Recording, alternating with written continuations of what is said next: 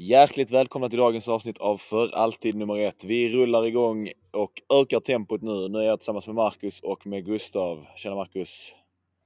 Tjena grabbar! Det var ett litet tag sedan, men det är kul att vara tillbaka.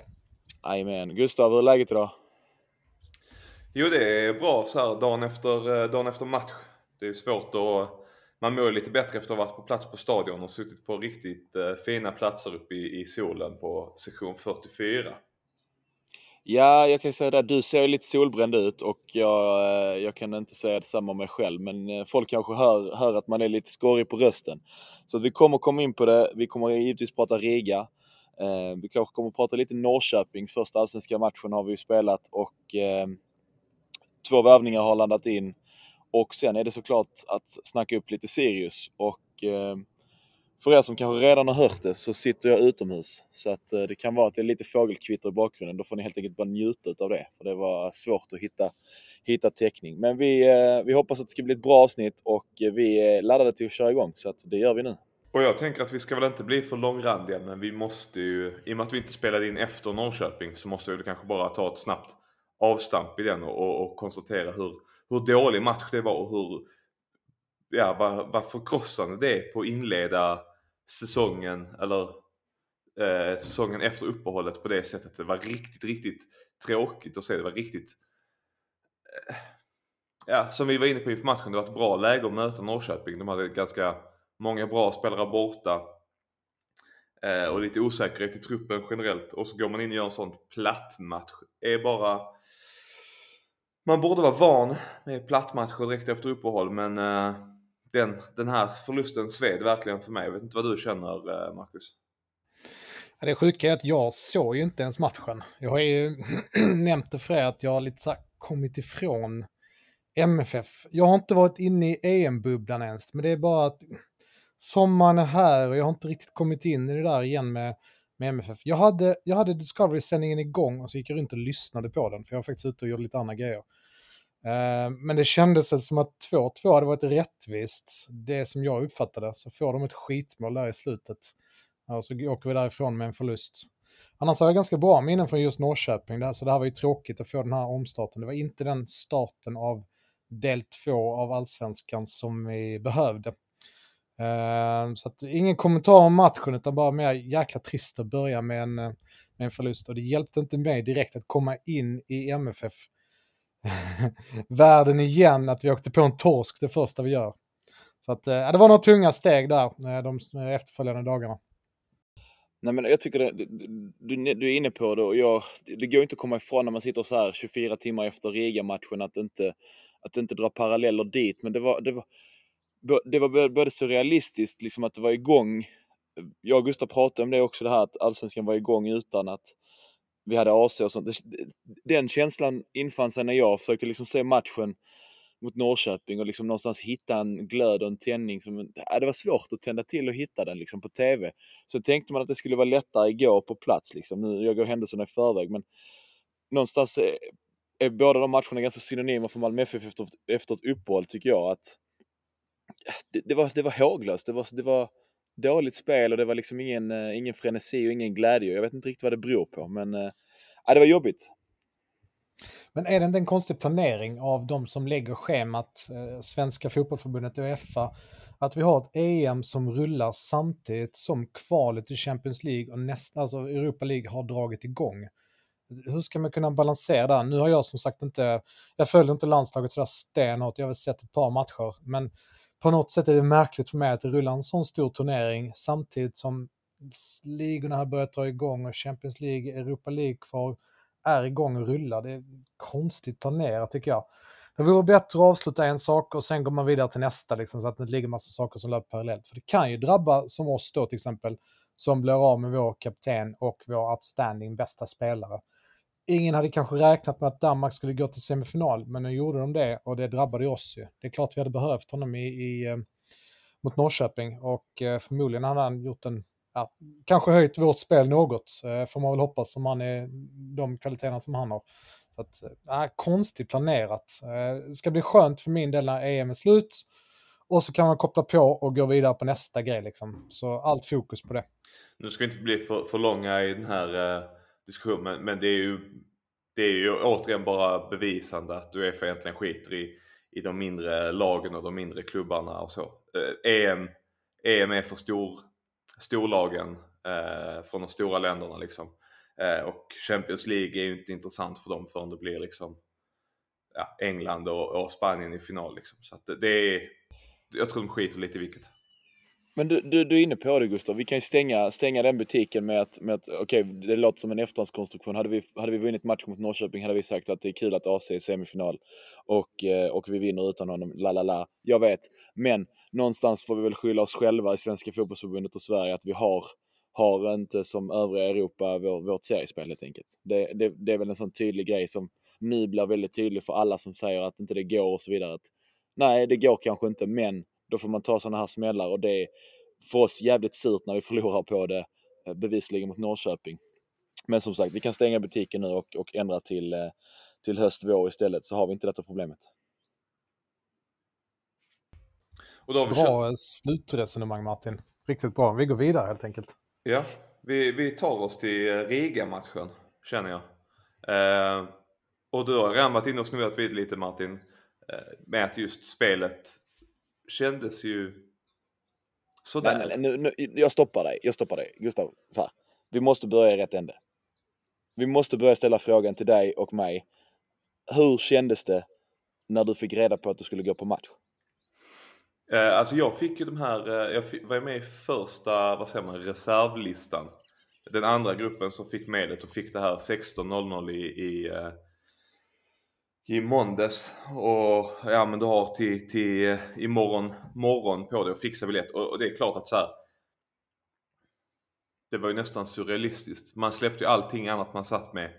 Eh, och bara försökte lösa, lösa biljett så fort som möjligt. Snacka med skrev till liksom alla polare jag känner och så här, ja men har du fått biljett? Har du fått, eh, kan du boka? Var, var, var, kan du sitta? Var vill vi sitta?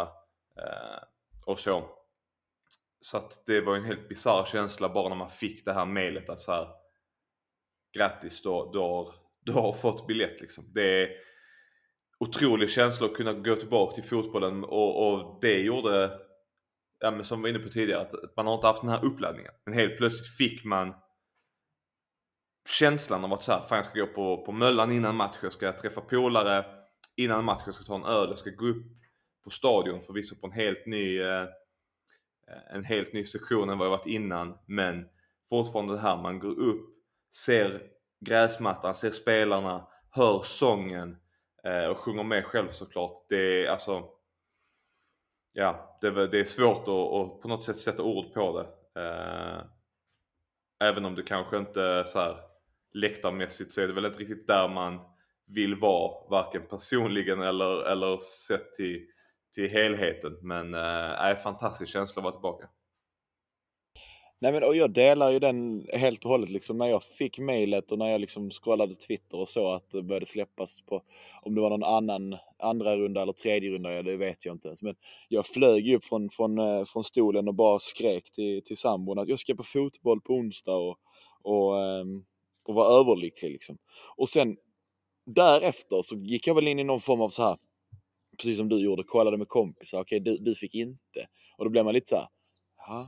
Och så börjar man fundera kring det och sen så liksom, jag sa det till dig innan igår Gustav när vi, när vi snackades vid inför matchen att någonstans bottnar jag nog i att många, många, många går nog på fotboll av anledningen av att man liksom träffar, träffar likasinnade och den här gemenskapen och jag menar att, att man är tillsammans om någonting och tillsammans med, äh, äh, vad skulle jag säga, tillsammans ser någonting och, och upplever någonting liksom.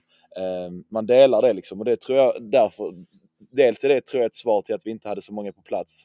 Eller att det liksom till och med kunde gå till, till extra släpp och sånt. Men just den, den biten saknade jag lite igår.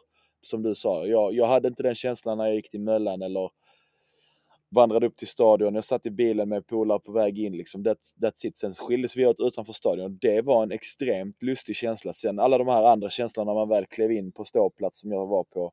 Eh, upp på läktaren och sen så träffade man folk och, och, eh, och hälsade på gamla bekanta och sånt liksom. Och sen stod man och sjöng. Precis som vanligt liksom. Men, men någonstans saknade jag det, det här tillsammans tillsammans-grejen med, med polarna. Liksom. Så att jag kan förstå folk som struntar i det, även om jag inte håller med dem. För att jag var svältfödd, du var svältfödd Gustav, och jag gissar att Marcus uppe i Stockholm också var rätt så, är rätt så svältfödd fortfarande. Ja, men det låter lite grann Martin som att du hade en sån upplevelse som jag hade när jag fick gå och se Djurgården eh, Malmö, förvisso via press. Eh, då var det inte alls så mycket folk på plats, då var vi bara en 300-400, ett hundratal eller någonstans där. Men det är ju inte alls samma grej. I det här fallet åkte jag till och med dit själv. Jag hade ingen att gå, men jag, fick, jag var tvungen att gå själv. Liksom. Eh, jag satt själv och ingen ölförsäljning, ingenting. Det var liksom inte matcherna och se 11 spelare mot 11 spelare varav hälften är ljusblåa och man håller på ett lag, det är en sak. Eh, att sen gå in och kolla statistiken och kolla på tabellen, det är en sak. Allting runt omkring supporterskapet, eh, tagget man känner, sångerna man sjunger, man marscherar ner eller så går man ner med sina kompisar och lite eftersnack efteråt. Fan vad gött, nej fan det gick inte så bra idag. Allt det där liksom, det där är ju en jättestor del av att se matcherna på live. Um, så att eh, ja, det kommer nog ta ett tag innan vi är där. Nu, nu räknar man med att man höjer upp här mot Sirius. Eh, vi kan komma in på Sirius sen, men 6-7 tusen läste jag idag någonstans där. Så att det kanske börjar närma sig, men just den här frihetskänslan. Ska vi gå på tisdag? Okej, okay, jag har biljett, du har biljett. Okej, okay, vi, ses på, vi ses där klockan fem så tar vi några öl innan. Så är det inte nu. Det är liksom, okej, okay, jag har fått biljett, du har fått biljett, vem har mer fått? Ja, bra, vi ses, vi kanske kan samla, alltså det blir så konstigt liksom. Det känns inte alls naturligt och, och fritt. Ja, men jag, jag tar vidare, apropå märkliga känslor. Eh, något som jag tyckte var, alltså, som sagt, jag gick inte på en session jag är van vid. Jag satt på, på 44 liksom, eller stod på 44 och Eh, så att jag tänker att mentaliteten även för dem, för alla som var på ståplats och kring de sjungande, normalt sett sjungande sessionerna, eller normalt sett aktiva sessionerna, eh, kanske fortfarande var lättare att komma in i just det här att man ja men vi är på ståplats, det är klart man, man står upp hela tiden, man sjunger hela tiden. Eh, jag vet inte, det kanske är någon som, som lyssnar på detta nu och tänker att, man, att jag är helt dum i huvudet som sitter och säger detta nu. Men när du kommer till en ny sektion och är med människor du liksom aldrig har gått på fotboll med tidigare för du känner max en person i närheten. Jag kände liksom en person som var på, på någon form av 40 sektion.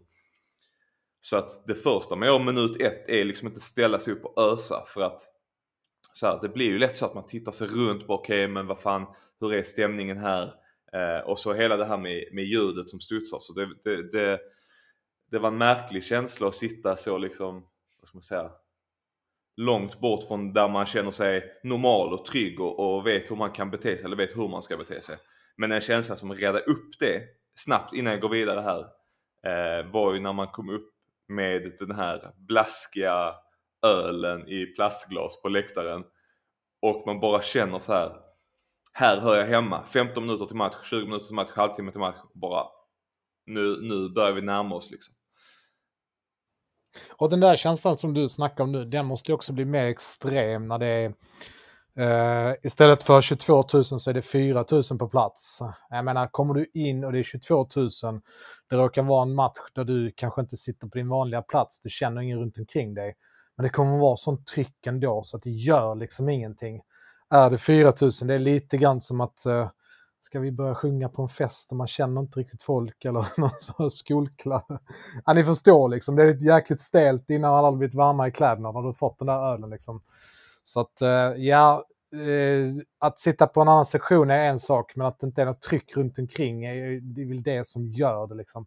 Hade det varit fullsatt på den sektionen så hade du ryckts med från minut ett, skulle jag kunna tänka mig liksom. Ja, men och det, jag kan ju säga så här, när man stod, jag stod högst upp på ståplats, gillar att stå där uppe för man får bra, bra eh, överblick över planen för att kunna se spelet också. För att jag vet ju att vissa går på fotboll för att enbart sjunga och stötta MFF och kan stå med ryggen mot läktaren och all cred till, till dem liksom. Men för mig, är det, för mig är det också att någonstans jag vill se spelet, jag vill vara en delaktig, delaktig faktor i spelet. Eh, när man står där uppe och har, har ju sjukt bra, bra överblick över, jag menar, över hela stadion. Att komma in innan matchstart och se liksom en klick på, på vad blir det då? Eh, västra långsidan nedre, dra igång sånger och växelramsor med ståplats. Det gör ju ändå någonting i en. Det, det, det blir man ju riktigt eh, varm och god av. Um, när sånt sker liksom. Så att även om, som du säger Gustav, att det fanns såklart ställen där det inte var sång och sånt, så ska vi ändå hylla liksom de 4000 som ändå var på plats för att okej, okay, ja det studsade, ja det var inte superbra stöd och, och skitfeta sånger eh, hela tiden utan det var mycket liksom klappramsor, mycket brittiska liksom eh, snabba, korta. Men det var tryck liksom. Det var ändå så att de som, de som var där hade längtat ja, men, i ett och ett halvt år och det märktes. Och den känslan bär jag med mig mer än resultatet, mer än insatsen på plan. Och jag tänker att vill ni diskutera, jag tänker att det, det säger sig själv. Vi mötte ett division 2-lag som vi borde kört över med mycket mer eh, analysen färdig typ. Ja, alltså jag känner att mycket av, mycket av analysen på, på Riga bottnar ju samma sak som analysen på Norrköping och inför snacket på Sirius. Att nu har vi haft två matcher efter uppehållet och komma in i, i, i tempo, i hastighet. Uh, och nu är det dags för match tre och verkligen ta tillvara på det som inte har funkat så bra och liksom komma in i verkligheten igen. Börja vinna matcher ordentligt, övertygande. Så att, uh, ja, man får väl hoppas att de här två matcherna har varit någon form av, uh, av väckarklocka. Norrköping i och med förlusten och, och Riga i och med att det var så här sportsligt ja, svajigt kanske man kan säga. Och eh, ja, och, och, du sa det där att nu är det dags att värma upp och komma in i liksom, men ska man vara rent krass, eh, innan vi bröt allsvenskan och spelade tio matcher, det var inte riktigt så att vi någon gång, eller jag kände åtminstone att vi kanske liksom, okej okay, nu är vi inne i det. Vi tuffade på, vi tog 20 poäng efter 10 matcher, men jag upplevde inte att vi var inne i det. Jag vet inte om jag delar den känslan med er, men på något sätt, alltså det måste lossna någonstans den här säsongen om det ska nu bli ett eh, guld till. Och vi ska, förhoppningsvis tar vi oss till Europa ändå, men gärna en av de finare ligorna, inte den där conference eh, till exempel då, då. Men lite symptomatiskt för den här säsongen, det har inte riktigt lossnat, eh, kan jag uppleva. Ehm, Martin, vad säger du? Nej, men jag tycker du är inne på det och jag tänker någonstans att det som kanske kommer ske den 15 juli som, som jag lite sitter och hoppas på nu, det är att, att Moisander kommer in i, i Malmö FF med den pondusen, med den erfarenheten från Europa eh, och, och liksom kan, eh, ja, men kan skapa det här som, som jag tycker Toivonen stod för förra året. Alltså den här stabiliteten, att det liksom bara rullar på maskineriet som, som fortsätter gå även om det kanske inte alltid ser så snyggt ut så vinns det liksom. Eh, och det saknades väl enormt igår en sån spelare på plan. Sen om den hade spelaren hade hetat AC eller Toivonen eller ja då Moisander eller Rasmus Bengtsson, ja det, det må hända att, att någon av dem hade gjort så att vi hade vunnit med mer. Men där fanns ju ingen på plan. Inte när Lasse Nilsson bär kaptensbindeln och Oskar Lewicki är, är spelmotorn, tyvärr. Då, då faller lite det på sin egen rimlighet att, att, att vi är ett sånt Europalag som kommer ja, man kommer trycka ner 4-5-0 i halsen på Riga för att de försvarade och de gjorde det från minut ett och de slutade inte förrän matchen var slut.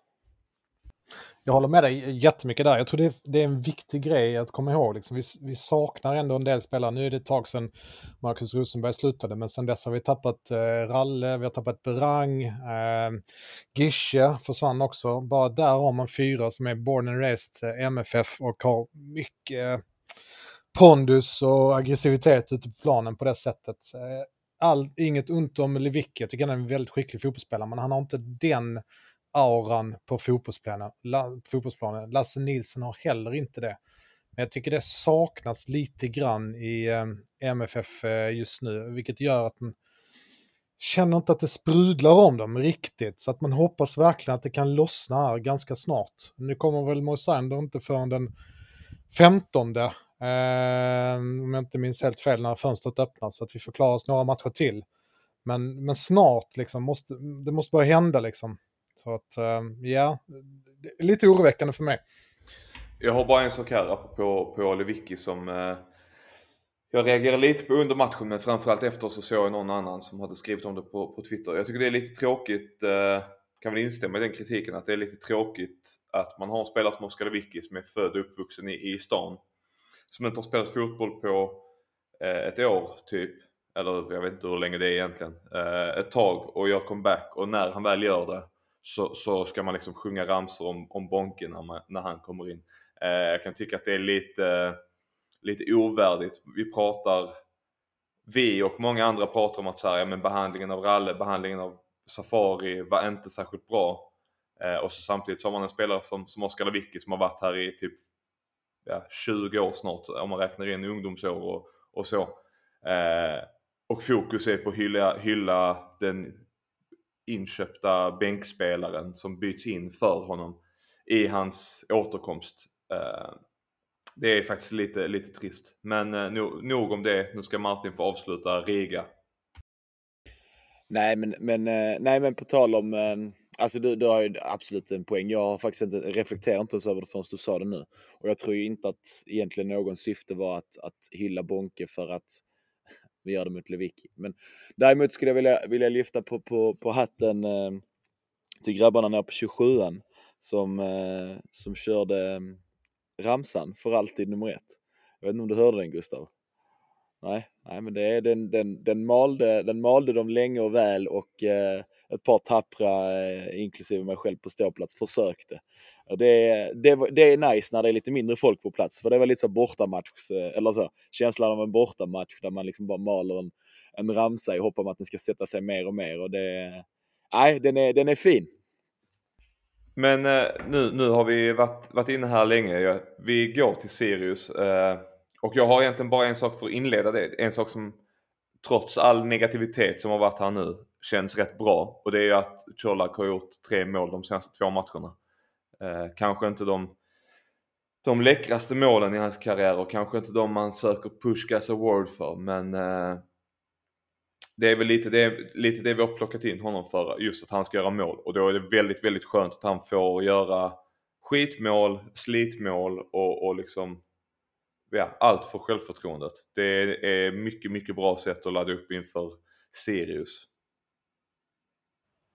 Ja, men lite typiskt också. Komma in och, och göra de målen. Jag menar, eh, det var inte alla gånger Marcus Rosenberg gjorde snygga mål, men han gjorde viktiga mål. Eh, så att, eh, det är väl bara jättebra att han kommer, kommer igång. Så någon gång så kommer det riktigt snyggt. Men i hans roll så handlar det bara om att göra målen de snygga målen tenderar att komma från kanske Rex som viker in och drar ett skott eller Erik Larsson eller något sånt där. Liksom. Men Colak, han, han ska bara dundra in en 15-20 baljor i allsvenskan och eh, plus Europa då. då så att, äh, kul att det börjar lossna för honom. Äh, det tycker jag också. Inför Sirius ska det, tycker jag det ska bli roligt att möta vår gamla MFF-tränare. Vad säger ni om det? Vår, vår guldtränare. Ja, ja, exakt. exakt jag, jag, jag satt lite på, här och, och bara kände att fan också.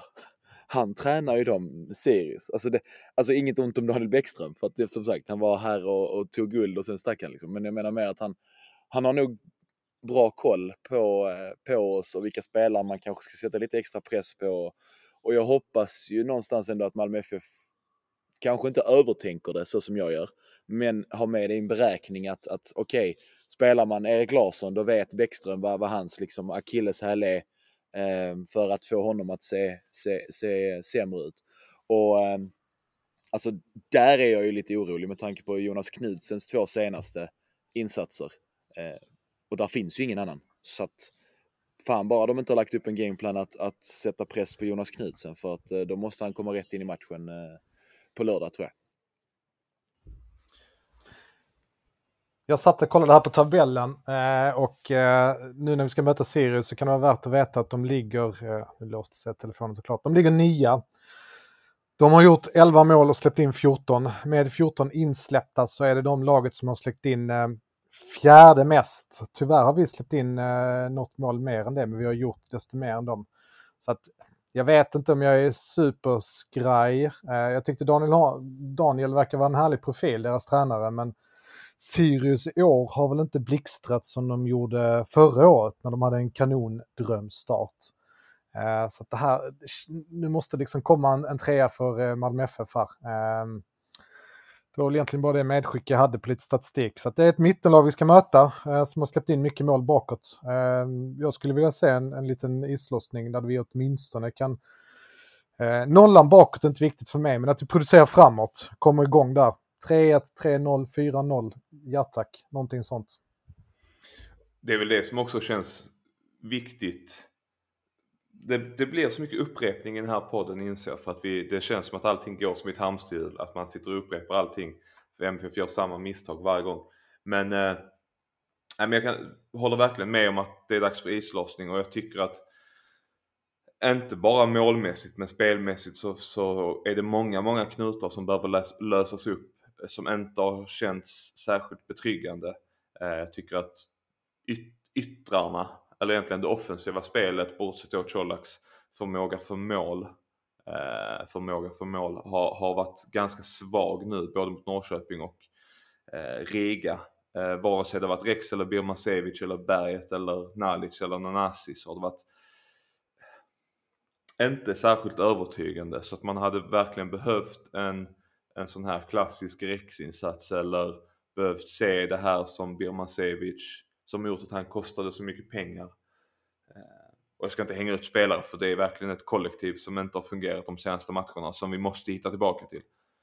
För att eh, nu är pressen på oss igen. Djurgården vann, vi måste, vi måste börja vinna för att de ser onekligen rätt bra ut. Jag vet inte vad du säger Martin? Jo, men alltså du, du är inne på det och jag satt, satt här under tiden och kollade lite och eh, såg att eh, den meste målskytten mot, mot Sirius är ju Inge Berget på fyra.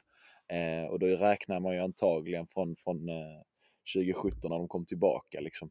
Eh, och då ser man också när man tittar tillbaka på statistiken där att, att Sirius är ett lag som inte gör så mycket mål på Malmö FF medan vi har gjort liksom allt från 4-0, 4-0, 5-0 Eh, och en 1-0-seger och sen så två kryss på det. Liksom. Så, att, så att det är idel segrar och ja, men egentligen två två poängtapp och det första är 2017 och det andra är 2019.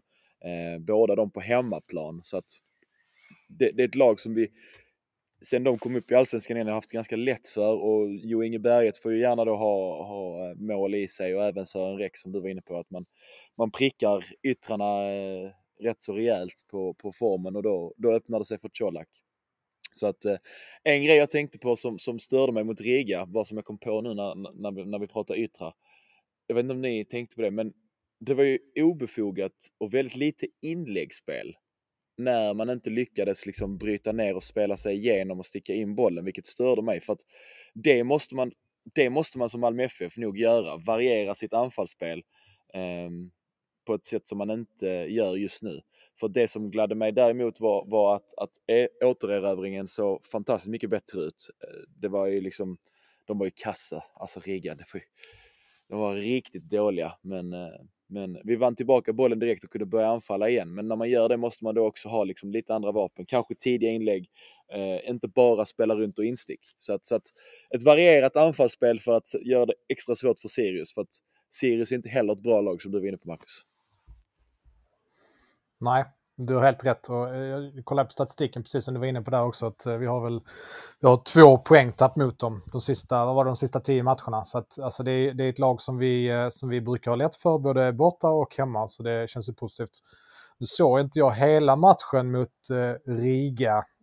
Men en liten tanke runt omkring det där att det jag såg de 60 minuterna var att det var ett jäkla trocklande. Vi försökte små ytor, vika in, lägga en passning här och där. Liksom.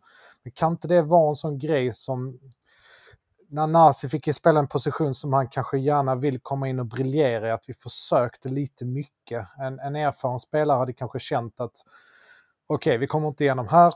Jag skickar ut den på kanten mot eh, Erik så får Erik tjonga in den. Eh, okej, okay, jag skickar, inte, skickar ut den på Knutsen så får han tjonga in den. Vi varierar lite grann liksom. Medan det är lite typiskt, de har sett för hos eh, yngre eller juniorer som kanske fastnar i ett, ett spelsätt och, och trocklar och trocklar och trocklar för att de vill så mycket och vill visa sig. Och så tyckte jag ändå att han hade positiva signaler, men just det där vill jag nästan pinpointa att det kanske var lite för mycket trocklande. Och bara de här enkla besluten. Ut på kanten, kom ett inlägg, en överlappning, slå in den och så har vi Colak där som kan nicka eller någon annan som kommer in i boxen. Så att, eh, ja, det var bara en reflektion på din tanke där som var intressant som jag bara ville bygga vidare på. En sak som, eh, som jag tycker är intressant med just Nanasi, jag ska inte gå in på för mycket, jag håller med i det du säger att det var lite svårt spelat ibland. Eh, eller för det mesta nästan. Sen, sen så vet jag inte hur mycket som Alltså hur mycket som påverkas att de ställer i princip åtta man på straffområdeslinjen i, i en rak linje liksom. Det är svårt att hitta ut, med eller hitta in med inlägg och det är svårt att hitta in med liksom genomskärare och så vidare. Eh, men jag tyckte det var intressant att Nanasi fick starten över, över Nalic. Nu har man ju gått och skrikit efter Nanasi i hela, hela vårsäsongen så att det är väl kul att han får spela och, och det är väl också det han behöver på något sätt och kontinuerligt bara få de här minuterna här och där. Så att eh, det är ju svårt att spekulera i startelvan inför, inför lördag. Vi, eh, jag misstänker att AC inte är med. Jag misstänker att han är borta till nästa helg till och med för att jag tänker att ha varit borta i 40 dagar, fått en, en, en dotter och eh, ja, inte världens tuffaste motstånd kanske i, i kvalomgångarna så tror jag att man låter honom ha någon, någon extra dag kanske. Eh, och sen så är det ju, ja, Nanasi, Erik och, och Felix Bejmo verkar gå en ganska jämn match. De roterar rätt mycket. Så att det är lite sådana här frågetecken hela tiden.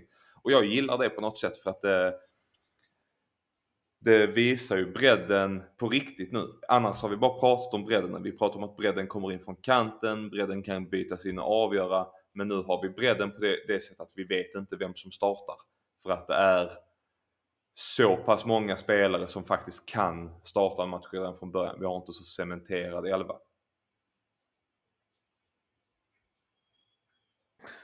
Och det är väl nu eh, truppen verkligen ska lyfta med det som du är inne på, att vi har lite rotation. Oavsett om AC är med eller ej, man vill ha honom ett par dagar extra. Eh, så det är väl det här vi har snackat om, just den här perioden som vi går in i, mitten av juli och framåt. Det kommer bli några tuffa veckor här under eh, kvalspelet som är fyra omgångar långt eh, och när vi förhoppningsvis sen kommer in i eh, ett, eh, ett gruppspel. Så det är verkligen det här som det här är den viktiga perioden och det är nu vi ska ha truppen, trupp, dra nytta av truppens bredd, att vi verkligen lyckas gå runt på en 15, 16, 17 man någonstans där som gör starka insatser. Eh, den ska ju vara formtoppad här i princip någon vecka fram när vi kommer till de viktiga eh, senare stegen i, i kvalet. Så att, eh, ja, det, det, det, är dags att leverera här nu om en två till fyra veckor. Eh, viktiga matcher framför oss där. Ja, och det, det, vi kan väl kanske egentligen bara gå ut på den om inte vi har mer, men att folk liksom, inklusive jag, gnäller på att inte det blev fler mål eller att, att spelet så knackigt ut. Men alltså så länge matcherna vinns och det är tre poäng in på kontot i allsvenskan och vi fortsätter vinna eh, från och med då plumpen mot, mot Norrköping, men framöver nu. Och vi går vidare i, eh, i Europa, eh, kryss eller seger, det spelar liksom ingen roll i det här fallet. Så eh, så är, är väl alla nöjda tänker jag. Vi behöver väl inte spela världens vackraste fotboll och, eh, och vinna också. Eller det räcker väl med att vinna? Eller vad säger ni? Ja, 100 procent och typiskt, eller traditionellt sett så har vi haft lite, det är inte alltid det har sprudlat i den första kvalomgången. Eh, man minns ju några, jag vet, är det Ventspils som är den klassikern där vi krånglade oss vidare precis. Så att eh, eh, vi ska inte dra för stora växlar över det. Alla såg att det var liksom två olika typer av lag. Ett som var ett skickligt fotbollslag eh, som försökte åtminstone och ett som eh, stod med tio gubbar, nio gubbar framför målvakten eh, och inte försökte någonting alls. Så att det är klart, vi, vi ska nog lyckas ta oss vidare och det känns som ett eh, mindre mirakel om, om Riga skulle kunna vända det. Men eh, eh, kanske omgången därefter eller ytterligare en omgång, då, då måste vi kunna växla upp. Nej men då det tror jag ju också vi kommer att se på tisdag. Nu kanske jag går händelserna i förväg. Vi kanske snackar upp Riga efter Sirius-matchen. Ingen aning. Men om vi inte gör det så, så, så, så fort de kommer behöva börja spela fotboll nere i, ehm, i höll på att säga Estland, men det stämmer ju. I Estland så, så kommer de, eh, nej i, i Lettland menar jag. jag är så trött idag också. I Lettland. Eh, fy fan vad dåligt. Ja, vänta, du kan ta om det där, du kan klippa det. Nej, Nej, men jag skulle säga det. När, när, eh, när de kommer börja spela fotboll på hemmaplan i Lettland, i Riga, så, så kommer eh, så kommer, kommer det bli ytor. Så kommer Malmö FF kunna spela ett annat spel eh, och straffa dem på det. Så att vi bör inte behöva vara oroliga trots att vi bara vann med 1-0. Eh, bortamålsregeln är, är också borta, vilket gör att man kan ta, ta sig an matchen på ett helt annat sätt än, än vad man hade gjort om man hade haft en 1-0-ledning och bara skulle försvarat den nere i, i Riga. Liksom. Eh, så att jag är inte orolig ett, ett, ett dugg över det. Så fort de kommer behöva gå framåt och göra mål och då två för att gå vidare direkt utan förlängning. För att förlängning tjänar ju vi på, tänker jag. Eh, så, så, så, kommer det bli ytor och då kommer man kunna växla upp. Så att det är, för att koppla ihop den med Sirius-matchen, så som ni, som ni sa också, en urladdning där vi bara visar att vi tokdominerar mot sämre lag. Då kommer Riga eh, skaka. Och, och, som avslutande punkt där så är det väl egentligen stämmer väl för båda lagen att det är lag som, ja, Riga måste gå framåt eh, nere i Lettland och Sirius kommer vilja gå framåt för att det jag sett av dem så ligger det lite i, i deras spelsätt att de de vill ju ha en viss, eller de försöker skapa sig en viss typ av identitet. Så det kommer absolut finnas luckor där också hoppas vi. Men med det, om ingen äh, räcker upp handen nu så, så tänker jag att vi avslutar och äh, tar helg. För alltid nummer ett, MFF! Tack för att ni har lyssnat, ha det gott, hej! Martin, kan du rabbla huvudstäderna på Estland, Lettland och Litauen innan vi avslutar? Uh, Estland är Riga. Ehm, Lettland är eh, Vilnius. Och Litauen är eh, Tallinn.